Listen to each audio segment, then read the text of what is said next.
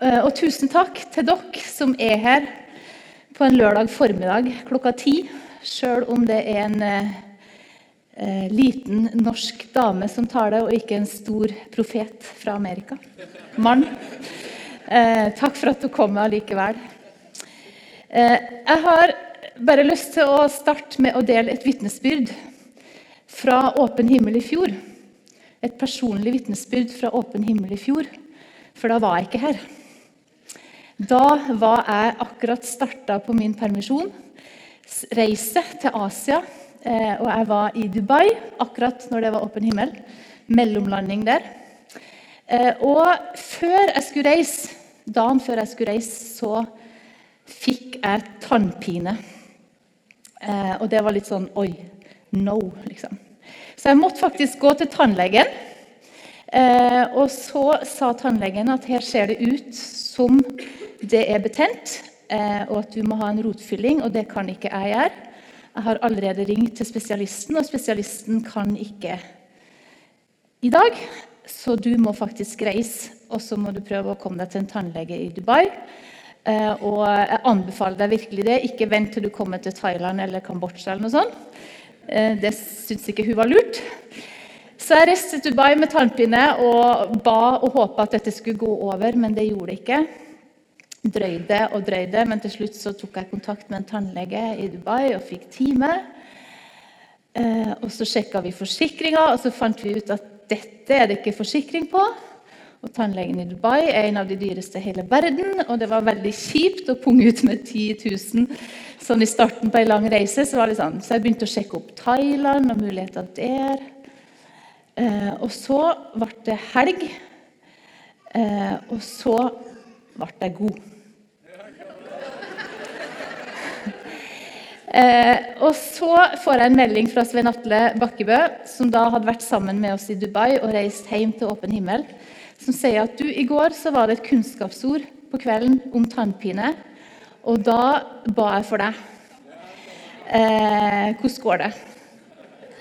Eh, og så fikk jeg en melding fra Randi, kollegaen min, som visste at jeg reiste med tannpine, og sa det samme. Eh, og etter det så har ikke jeg hatt tannpine i den tanna. Eh, og I går så var jeg til tannlegen på min årlige kontroll. Og så sier hun hvordan, går det med den tanna. Så forteller jeg hva som har skjedd når jeg var i Dubai, og at jeg har blitt eh, bedt for fra et ord som kom i Stavanger. Eh, og hun sier 'Oi, da må vi jo ta bilde av den tanna'. Eh, så vi tok nytt bilde, og hun sier at her ser det helt fint ut. Ingen antydning til betennelse i den tanna.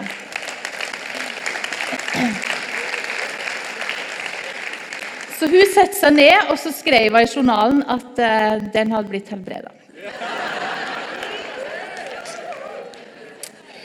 Yes.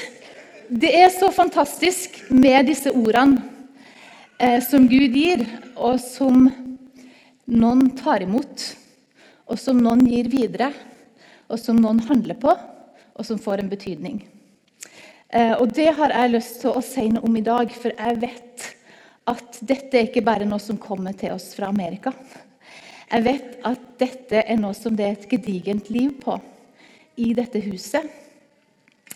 Eh, som har hatt så mye betydning for enkeltpersoner Nå begynner jeg nesten å grine.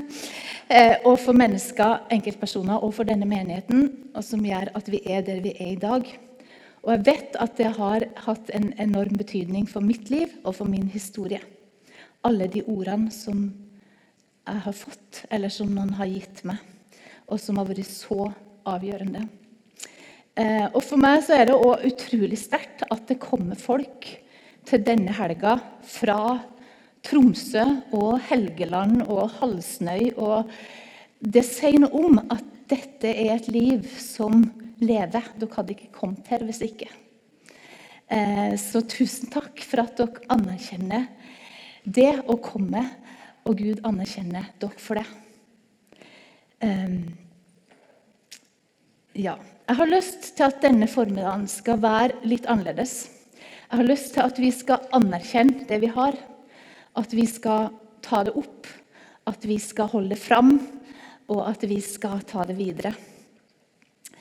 Eh, og hvert år Jeg jobber jo på Akta, som Martin sa. Så kommer det ganske mange studenter hit som i løpet av høsten, eller ganske fort, eh, sier noe om at 'dette har vi ikke opplevd før'. 'Oi, kan Gud tale til meg?'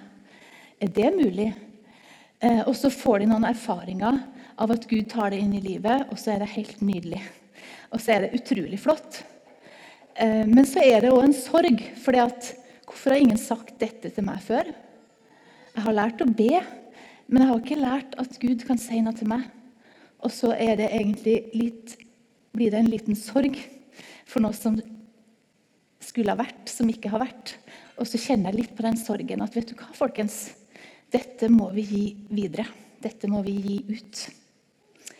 Um, dette skal ikke bli en godt bevart hemmelighet lenger. Dette skal bli noe som alle kan få del i. Uh, og det vi har i dette huset, skal strømme ut, sa uh, David i går. Og da må vi anerkjenne det, og vi må verdsette. Uh, og vi må verdsette det vi har. Eh, og gi det større verdi. Eh, og Ofte så blir jo Bibelen brukt som litt sånn motargument for dette her, for vi har jo alt her. Det står her, og vi trenger ikke noe annet enn det. Eh, men Bibelen er historia om mennesker som lytter og hører fra Gud og går på det. Og som blir leda av at Gud kommuniserer med dem. Eh, og det å være disippel har aldri handla om noe annet enn det å høre hans stemme og følge de ordene som han gir. Så Bibelen tar aldri vekk mitt ansvar for å lytte etter Gud. Eh, og det at jeg lytter etter Gud, tar heller ikke vekk mitt ansvar eller mitt privilegium å, få, å ha behov for Bibelen eller å få lese i Bibelen. Tvert imot. Mitt eh, mitt behov for å lytte eller mitt, Når jeg lytter til Gud, så øker behovet mitt for å holde meg til dette her. Så Jeg skal starte med å lese fra Salme 33, 4. Det er noen ord som har inspirert meg, eh, som tok meg litt når jeg drev og planla denne talen. Eh, og eh, Billy han spilte en sang på bønnemøtet før eh, før møtet i dag, og der sang de at 'Leadership is perfect in your life'. Jesu lederskap er perfekt i livet ditt. Uh, sing it out till you believe. Og det skal vi gjøre i dag. Vi skal seie ut Guds lederskap i livet vårt, sånn at vi tror det. Og så håper jeg at vi skal gå ut med sterkere, uh, en sterkere tro på hans lederskap i våre liv. Hør fra Salme 33, 4. For Herrens ord er rett, og alt hans verk er gjort i trofasthet. Han elsker rettferdighet og rett. Herrens miskunn fyller jorden. Himmelen ble dannet ved Herrens ord, og hele dets hær ved et pust fra Herrens munn. Alt er blitt til ved Guds talte ord. Og videre fra vers 9. For han talte, og det skjedde. Han bød, og det sto der. Herren gjør folkeslagenes råd til intet. Han stanser folkenes planer. Herrens råd står fast til evig tid. Hans hjertes planer gjelder fra slekt til slekt. Det er alltid et gap imellom vårt og hans. Eh, og Gud har alltid en god plan for menneskeheten. Og sjøl om jeg ikke stoler på han, så har han fortsatt en god plan. Han har en god plan for meg. Og hans plan er rett, og den er gjort i trofasthet. Så Guds plan og Guds eksistens avhenger ikke hvorvidt jeg tror på ham. Hans plan er tufta på hans trofasthet, og ikke på min, heldigvis. Eh, hans nærvær er alltid der. Jeg trenger bare å bli klar over det. Og hans stemme er alltid der. Jeg trenger bare å begynne å legge merke til den. Sånn at jeg kan forbli i hans plan. Vi trenger hans input i våre liv. Dette gjelder, som vi hørte i går, for 2019. Dette gjelder for i dag. Det gjelder fra slekt til slekt. Det gjelder alltid. Det gjelder nå. Eh, og jeg har ei som jeg kjenner godt, jeg skal ikke si navn, men hun sa det i møte med 2019. Så sa hun jeg liker i grunnen best partallsår. Og jeg tenkte hm, den tanken har aldri slått meg. og så sa jeg at ja, ja, du får glede deg til 2020, for da er det jo virkelig rundt. Ja, det skulle du gjøre. Eh, altså, Gud opererer ikke med favorittår og ikke-favorittår partallsår og oddetallsår. Eh, hvert år er et år for hans gode plan.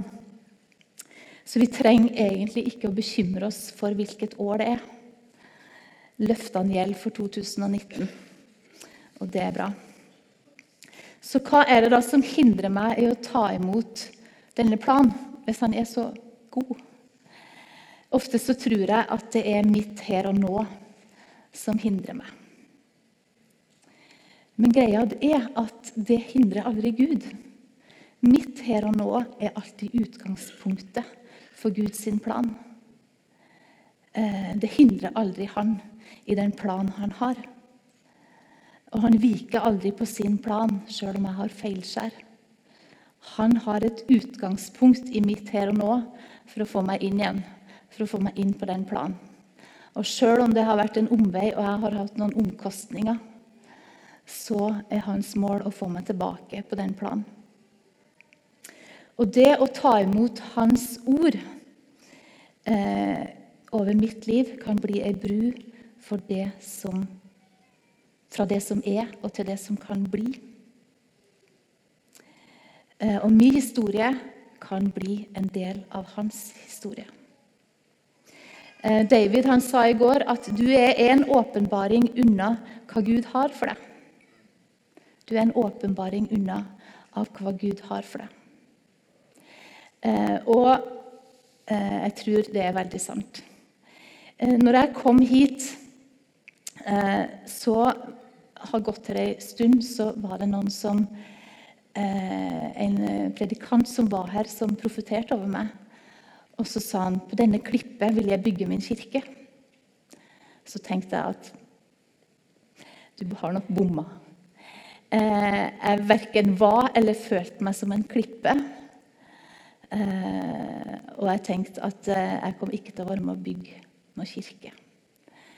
Men det var Guds åpenbaring der og da som har blitt en realitet, at jeg får lov til å være med og bygge kirka. Eh, så mitt her og nå, der og da, var ikke et hinder, eller var, sto ikke i veien for at den åpenbaringa som kom, var sann. Det er kult. Sant? Eh, og jeg tror at Gud kan tale til oss på alle områder i livet. Eh, men nå så skal jeg fokusere på kun tre. Tre av de, for det er veldig pedagogisk.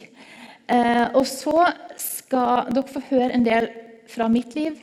Dere skal få høre litt fra noen andre sitt liv. Og dere skal få dele litt fra deres liv. Så det er det som skal skje nå i formiddag. Er dere med på det? Ja. Eh, det første punktet, området som Gud tar det inn i, det er identitet. Gud ønsker å snakke inn i vår identitet. Og jeg tror at ofte når Gud begynner å tale til oss, så starter han der. Det er der han starter. Eh, og Det står så mye om identitet i Bibelen. Det står egentlig alt vi trenger å vite om hvem vi er i Guds ord. Eh, men jeg tror at Guds direkte tale til oss kan bli ei kraft eh, som kan hjelpe oss ut av noen feilspor eller noen løgner som vi har kommet inn i, eh, og som vi har begynt å tro på. F.eks. at jeg er bare sånn. Eller 'dette gjelder nok for de andre, men ikke for meg'. Vi kjenner disse feilsporene.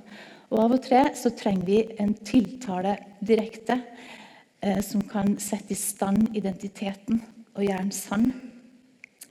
Eh, og når jeg begynte her i IMI for ca. 22 år siden, så eh, bestemte jeg meg for å gå her. Og så bestemte jeg meg samtidig for å, at dette er en menighet som OK, jeg kan gå her, men jeg kommer ikke til å bidra. Eh, og jeg kommer ikke til å gjøre noe ting her. Som, altså, jeg skal gå her, men that's it. Eh, og Grunnen til at jeg bestemte det, var at jeg syns at folk som gikk i IMI, de virka veldig åndelige. Og de var litt sånn i overkant begeistra. Eh, og jeg var ikke så veldig begeistra, og jeg betrakta meg sjøl som ikke så veldig åndelig. Så jeg tenkte at da har jeg jo ikke noe å bidra med, men jeg kan nå gå her. Så det tenkte jeg sjøl at det skulle jeg parkere meg i. Eh, men så var det folk i denne benigheten som begynte å gi meg ord. Eh, som eh, sa ord inn i livet mitt som handla om noe annet. Som handla om at jeg var elska at jeg var sett, at jeg var velsigna, at jeg var fri, at jeg var utvalgt. Og disse ordene, de, over tid, så begynte de å skape noe nytt i mitt liv. Som gjorde at jeg ikke kunne parkere meg der jeg hadde vært. Og det ga meg en ny eh, opplevelse av hvem jeg var og så ga det meg en ny tro på å ta i bruk andre sida av meg sjøl. Ehm, ja. Og det å leve under Guds anerkjennelse over tid, det ga meg et nytt utgangspunkt for å være meg. Rett og slett. Og Så kan det hende at du tenker men jeg er 40 år, jeg er 50 år, og jeg vet da jommen meg hvem jeg er. Eh, og det tror jeg at du vet. Jeg tror du vet veldig mye om hvem du er. Og så tror jeg du vet veldig mye om hvem du har blitt. Og så er det ikke nødvendigvis sånn at alt du har blitt, skal få lov til å definere hvem du er. Og da trenger vi ny input og ny sannhet. Og det står veldig tydelig at dette sinnet må fornyes hele veien. Og det gjelder òg for identiteten vår. Vi trenger å fornye tankene som går inn, sånn at identiteten vår blir sann. Ehm, så før du konkluderer på hvem du er, ehm, spør Gud. Bruk dagen i dag, bruk denne helga, bruk uka som kommer, til å spørre Gud hvem, hvem er jeg? Hvem sier du, Gud, at jeg er? Eh, hvor har jeg kanskje parkert litt feil? Eh, og hvor er det du vil si noe nytt inn som gjør at jeg kan bli mer den som du har bestemt meg til? Ja. Og ut fra identiteten så springer det ofte en retning. Og det er det andre punktet vi skal se på. Eh, retningen springer ut fra identiteten. Mitt liv springer ut fra hvem jeg tror at jeg er. Eh, og Hvert år når vi starter bibelskolen, så har vi en undervisning med en som heter Andy Stanley. Som kort sagt handler om at ikke gjør den tabben at du bestemmer hva du skal, og hvem du skal gjøre det sammen med, før du har bestemt hvem du vil være. Husker dere det? Hvem husker den? Alle som har gått bak deg, husker den. Ofte så ser vi den flere ganger i løpet av året, for det er så utrolig vesentlig. Ikke bestem du, hva du skal, og hvem du skal gjøre det med, før du har bestemt hvem du vil være. Eh, der starter det. Eh, og ved at vi tar inn og tar imot Guds sannhet om oss sjøl, så vil det gi oss den rette retningen i livet. Da trenger ikke det å bli et sånt evig stress mot hva skal jeg nå, hva skal jeg nå. Da springer retningen ut. Eh, og før jeg begynte å jobbe på Akta for 17 år siden, så eh, jobba i skole. Og før, en god stund før jeg begynte å jobbe her, så begynte jeg å ane at Gud hadde en ny retning. Og det var flere av dere, det var, jeg tror det var tre stykker i løpet av et halvt år, som ga meg et bilde, identisk bilde av en vei med en sving, og bak svingen så, så jeg ikke hva det var. Så jeg visste på en måte at nå kommer det en sving, men Gud hadde vist meg ikke helt hva det var, så jeg levde litt der. Så jeg sa opp jobben min, for jeg visste at det skulle jeg. Eh, og når Martin kom og spurte om jeg skulle jobbe vakta, så visste jeg på en måte at det skal jeg. Gud hadde forberedt meg. Gud hadde vist meg det.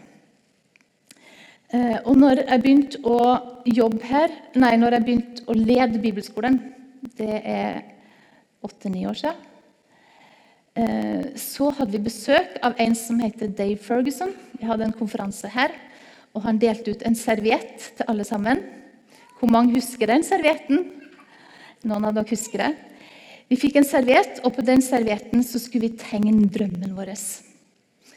Eh, og jeg tenkte at jeg var ikke så veldig sånn drømmer, og ikke jeg er spesielt god til å tegne, så jeg syntes dette var litt sånn litt pes. Men jeg satte meg ned, og så begynte jeg å tegne.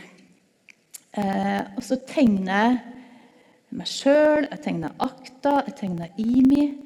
Og så begynte jeg å drømme på den servietten om at dette skulle gå ut. Eh, jeg tegna godhet, jeg tegna norgesturene til Akta, jeg tegna ut i byen.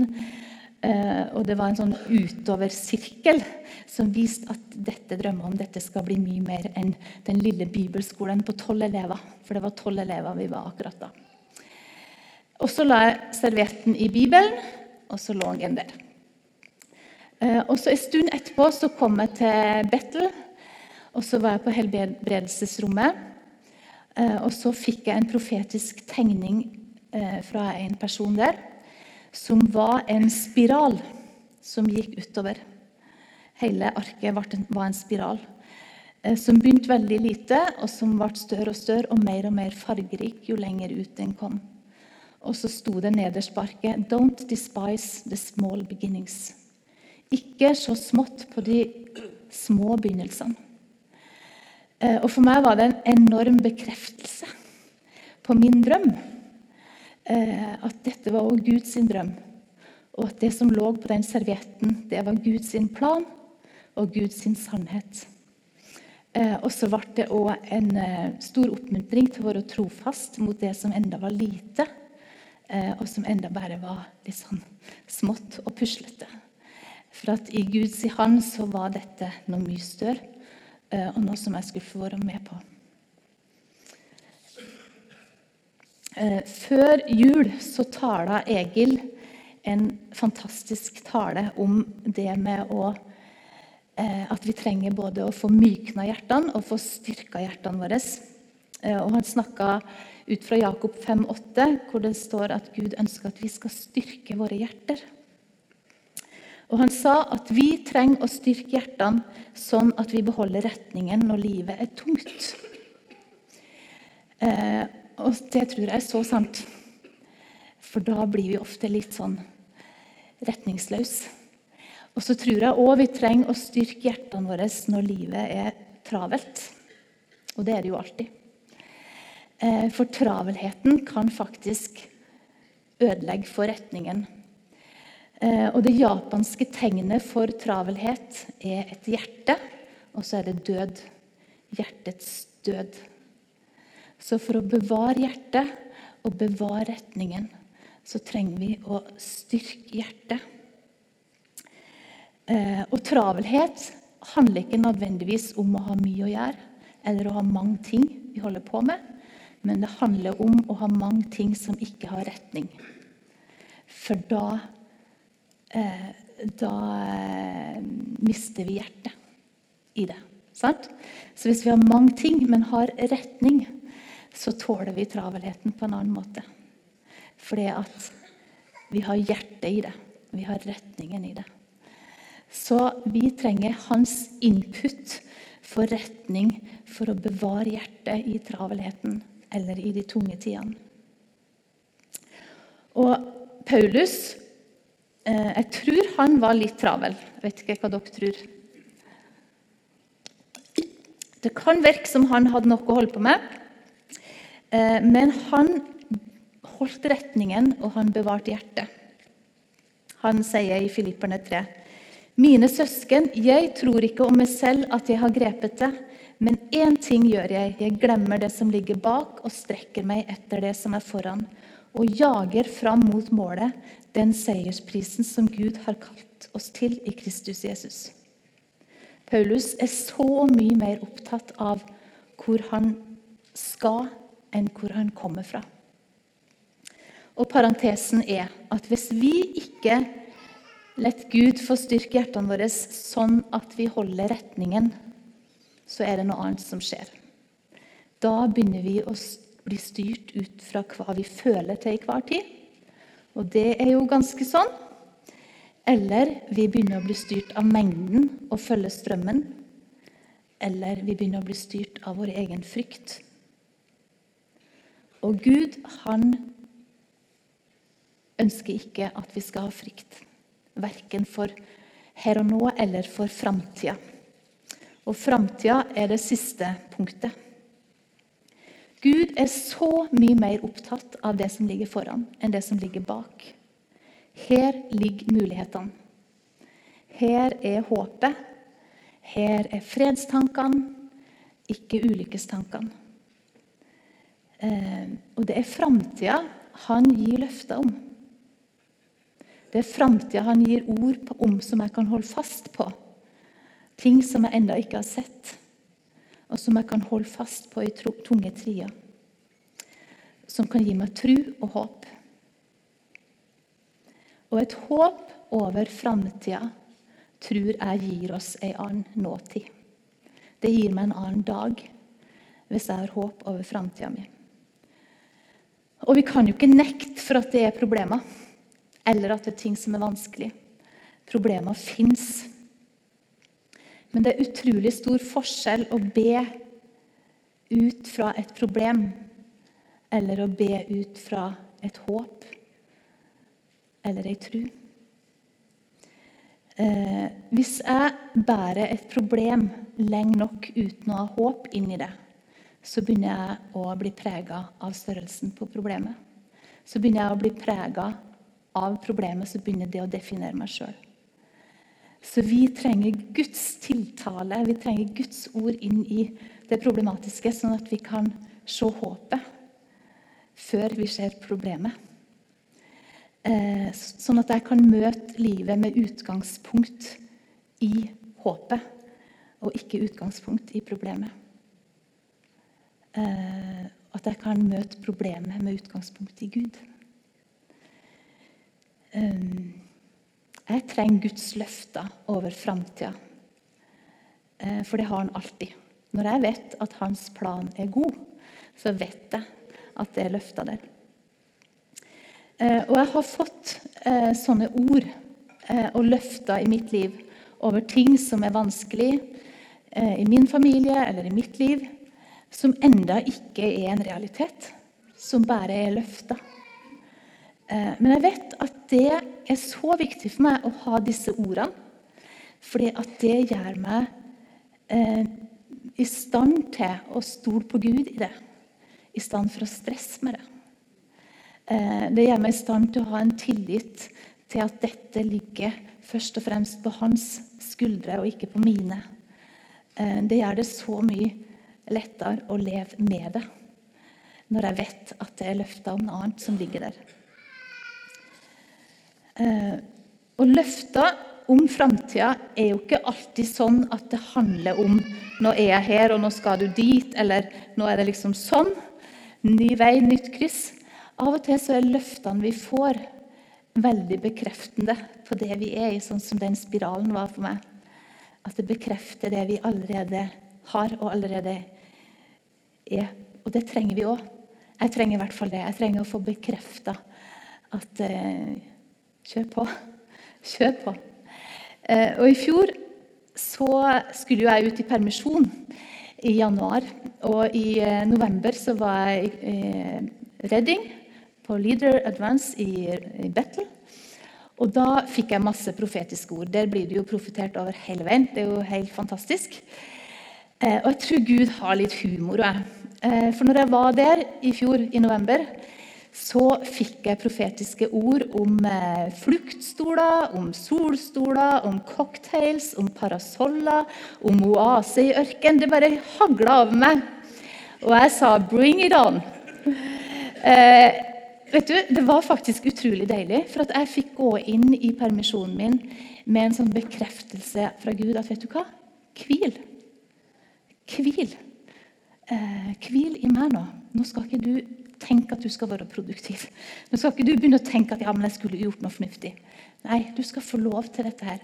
Det var helt utrolig nydelig, for jeg kan fort begynne å stresse med det. At jeg skulle gjort noe fornuftig. Egil leser sikkert mange bøker. Altså, sant? Jeg kunne begynt å liksom stresse litt med det. Men akkurat som Gud sa, vet du hva? Nå er din tid. Nå skal du få hvile. Eh, og så reiste jeg tilbake i år, da. Eh, I november i år. Og jeg tenkte at det hadde jo vært kult å fått litt sånn solstoler som i år òg. I hvert fall én kan jo få én solstol, men vet du hva? det var ikke én eneste solstol. Ingen eh, cocktails eller noen ting. Eh, men Gud ga meg ord på det som er i nå. Eh, sant? Så Gud har en timing og en eh, Altså, han er så individuell at uh, Fytti grisen, altså. Dette må vi ha tak i. Eh, fordi det vil gjøre en så stor forskjell i livet vårt. Når han kan lede oss og tale til oss så konkret og så individuelt. Yes. Så det er ikke så mye, det er ikke så mye solstol, det er ikke så mye sånne turer framover nå. Det er litt synd for Erling, for han hadde nok mest lyst på det. Ja, da skal ikke jeg si så veldig mye mer i dag, men nå er det noen andre som skal få dele litt. Og først som skal dele, er Siri. Du må komme fram, Siri. Siri har jeg blitt kjent med i år. I august. Dere må klappe for henne. Må ha en mikrofon.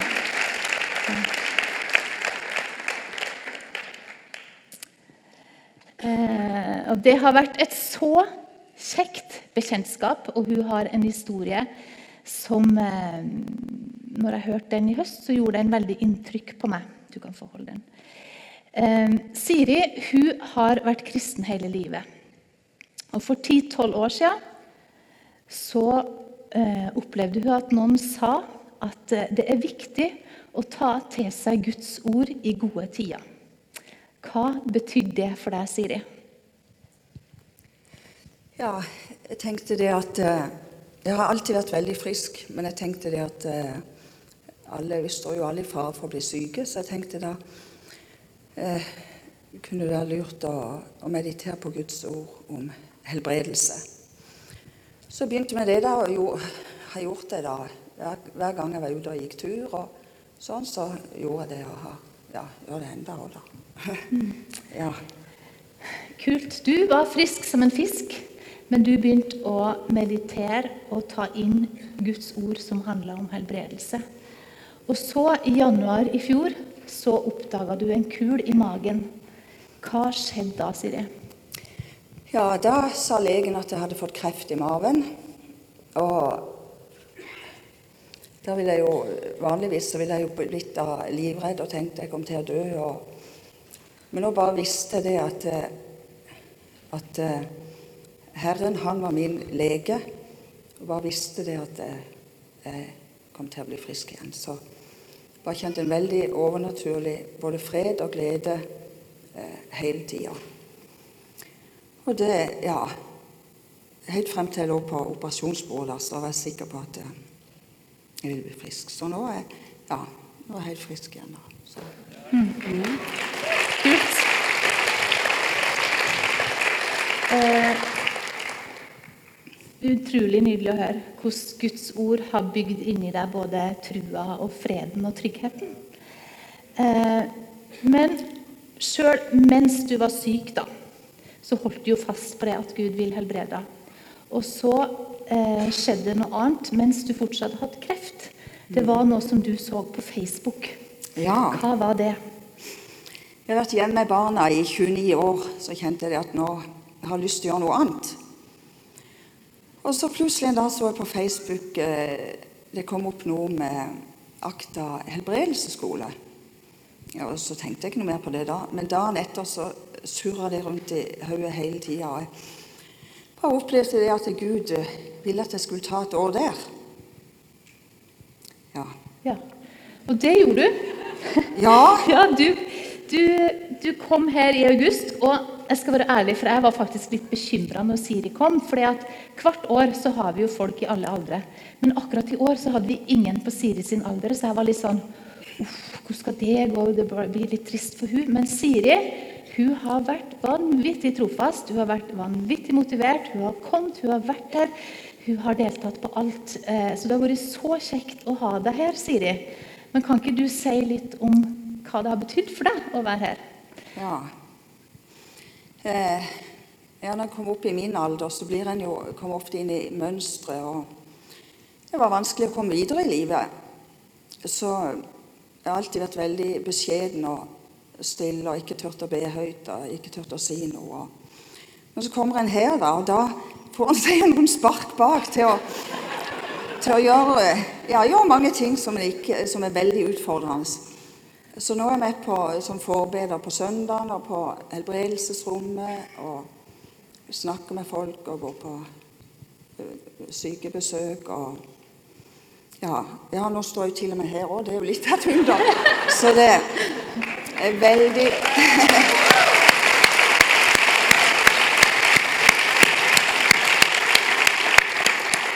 Ja, så Denne skolen her har betydd veldig mye for meg, og jeg er veldig glad det er et halvt år igjen. Så det har vært veldig både spennende og, og utfordrende. Så ja. Veldig bra. Yes. Så nydelig, Siri. Vi er så glad for at du er der. Og du er et forbilde. Eh, et forbilde i det å eh, høre fra Gud, gå på det eh, og, og stå i det. Eh, og se at livet ditt eh, blir endra gjennom det.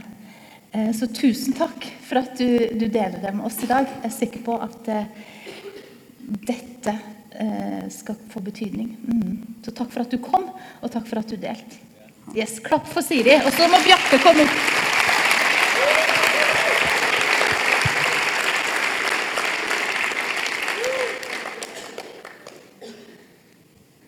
Yes, dette er Bjarte. Han har òg vært kristen hele livet, og det er jo, ikke, det er jo ganske lenge, det òg. Du er jo ganske gammel. Ja. Han jeg er jo nesten tante hans, eller jeg er tanta til kona hans, og han er 40 år, så det er jo verst for meg at du er gammel. Eh, Men du har vært kristen hele livet, Bjarte, og jeg, har, jeg vet at det profetiske, det vi har snakka om i dag, det har ikke alltid vært eh, en selvfølge. Så jeg bare bedt deg om å dele litt av din prosess i det. Mm, du skal få holde sjøl. Takk. Altså, Jeg hadde jo egentlig tenkt å presentere meg som Bjarte. Jeg er nevøen hennes. Det hadde jo vært mye gøyere hvis Ja, jeg kunne fått gjort gjort Ja, det. det. Nå ødela jeg alt. Men eh, jo, jeg har eh, alltid vært en kristen. Jeg har vokst opp i en kristen hjem. Jeg har vært en del av en eh, menighetskultur som eh, jeg har alltid satt pris på. Men som, som det har vært masse prosess rundt, spilt de siste ti åra. Eh, det, det har vært en menneskekultur der det profetiske har vært eh, veldig nærtont.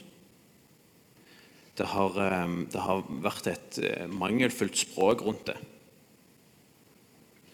Det har et, altså, det er, det mange mange ganger brukt, blitt brukt uttrykk som altså, Ikke for å åndeliggjøre det, altså. Sånne type ting. Hvis det er eh, ekstraordinære stang inn-episoder, så, så blir det fort at det er gudfeldigheter. Eh, og dette har jo jeg vært en del av. Eh, og det, eh, det har som sagt blitt masse prosess på. Eh, det kulminerte med at jeg eh, ble etter hvert med noen gode kompiser til Hillsong Conference i New York. Jeg tenkte egentlig at alle de møtene de, Det kunne jo være at jeg kunne gå litt i gatene, mens, mens kompisene mine var på alle de der seminarene. Jeg kunne få med meg litt. Ok, da. Eh, Jeg var superskeptisk. Ehm, men jeg ble med, og jeg reiste hjem forandra. Yes.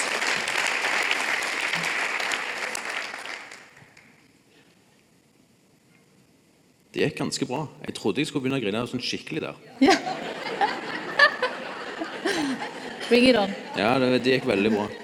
Eh, jeg reiste hjem sulten på, på å få mer av det som jeg hadde fått. Eh, det var en helt fantastisk følelse. Så jeg på kona mi. Det skal jeg ikke gjøre igjen.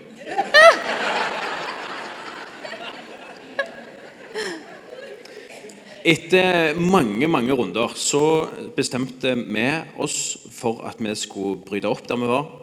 Og vi skulle søke dette, og vi skulle gå på det.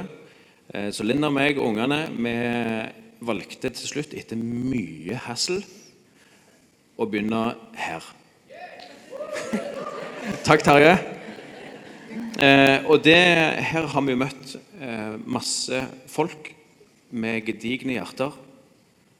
Eh, Vi har møtt folk med en kultur som eh, der det profetiske er en, eh, en stor del. Det er et stor, sterkt fokus på det profetiske. Folk er modige og frimodige. Og det har bare gitt masse mersmak. Jeg har lyst på mye mer av dette. Jeg har vært nysgjerrig, og jeg har oppsøkt det, dette profetiske. Og det har gitt eh, veldig fine erfaringer av, av Guds nærvær på, på veldig forskjellige måter. Eh, en tirsdagskveld i høst så ble jeg bedt, av, eh, bedt for av ei eh, dame som jeg ser opp til, Mariann. Eh, og hun, eh, hun delte et bilde som hun fikk. Og hun så meg som en gladiator. Eh, som drepte løvene i Colosseum. Og så eh, Og jeg smilte og takket. og tenkte ja, ja. Eh, jeg måtte liksom bare innrømme at dette var jo bare én av mange sånne At du er en kjempe, du er en bjørn, du er, du, du er svær, det er makt, det er power. Sant? Så tenkte jeg ja, ja. Men, men liksom, altså, alle har jo vært sånn. Så jeg har jo vært et hode høyere et hode bredere enn alle. Så jeg har liksom bare tenkt at det må jo være fordi at jeg er en svær mann i forhold til deg. Så, så jeg, jeg hørte hva du sa, jeg takket, og jeg syntes det var fint. Og, og jeg syns det òg, altså. Neste morgen så fikk jeg en i fleisen, fordi at da eh, eh, Jeg var sykt vond i ryggen. Og det som jeg ofte gjør når jeg er vond i ryggen, det er at jeg legger meg på gulvet, på flate gulvet. Jeg kom tidlig, jeg var alene på kontoret, så jeg la meg på gulvet. Jeg skrudde på lovsangsplaylisten.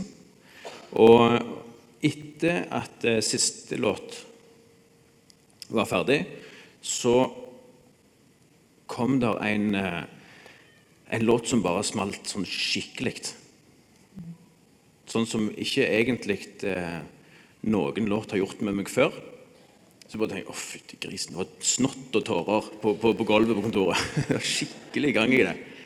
Eh, og så, eh, så, så gjorde jeg en ting til som jeg aldri pleier å gjøre. Det er at jeg finner fram coveret til den låten på Spotify. Og liksom, Jeg fikk det for meg at jeg skulle liksom se på det. Og da kom et bilde som Hanne må vise nå.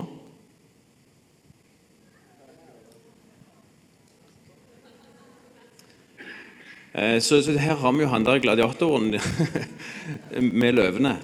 Eh, Så, så det, det var veldig sånn Kvelden før hadde jeg fått det en gang til. Jeg liksom bare Ja, ja, jeg hører det du sier. det, og liksom eh, Litt sånn, men, men, men selvfølgelig masse undring rundt det.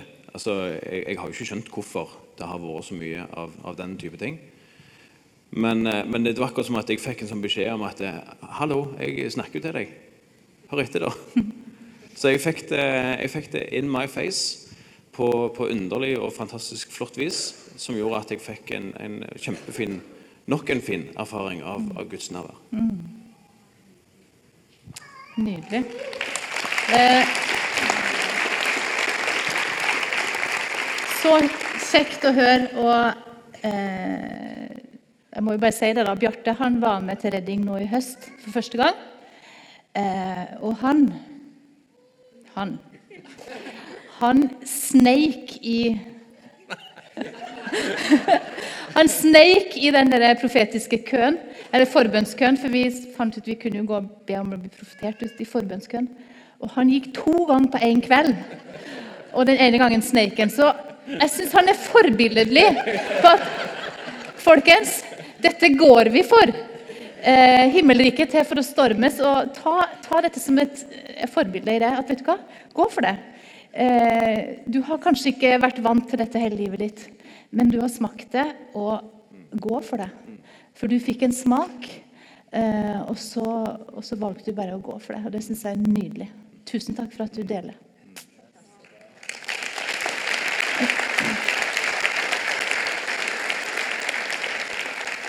Eh, nå har dere hørt to helt forskjellige vitnesbyrd.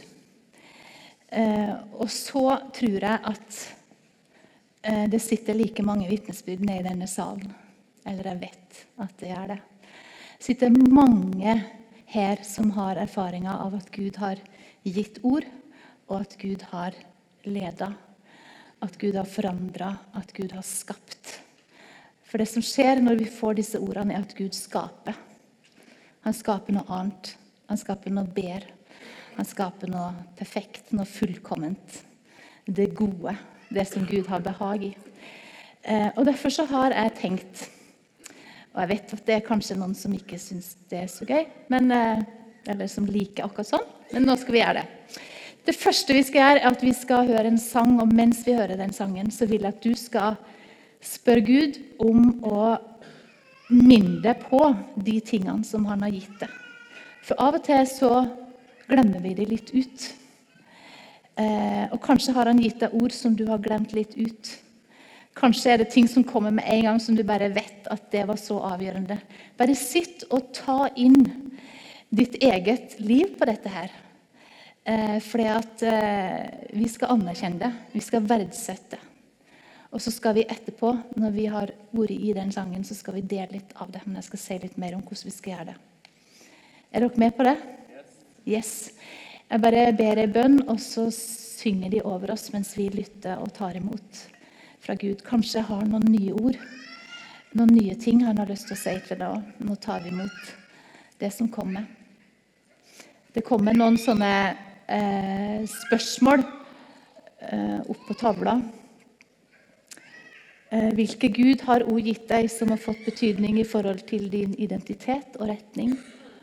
Og har du løfta ord for framtida di som du trenger å holde fast på? Kan være en sånn hjelp til å fokusere hvis en trenger det. Gode Gud, jeg takker deg for at du er her. Eh, ditt nærvær er her. Ditt ord er her. Din stemme er her. Bare hjelp oss å få tak i. Så takker jeg deg for at ditt, nei, vårt her og nå har aldri vært et hinder for deg. Eh, så du vet hvor vi er, og du kan møte oss akkurat der. Mm, velkommen. Kom akkurat nå, Gud, med ditt nærvær.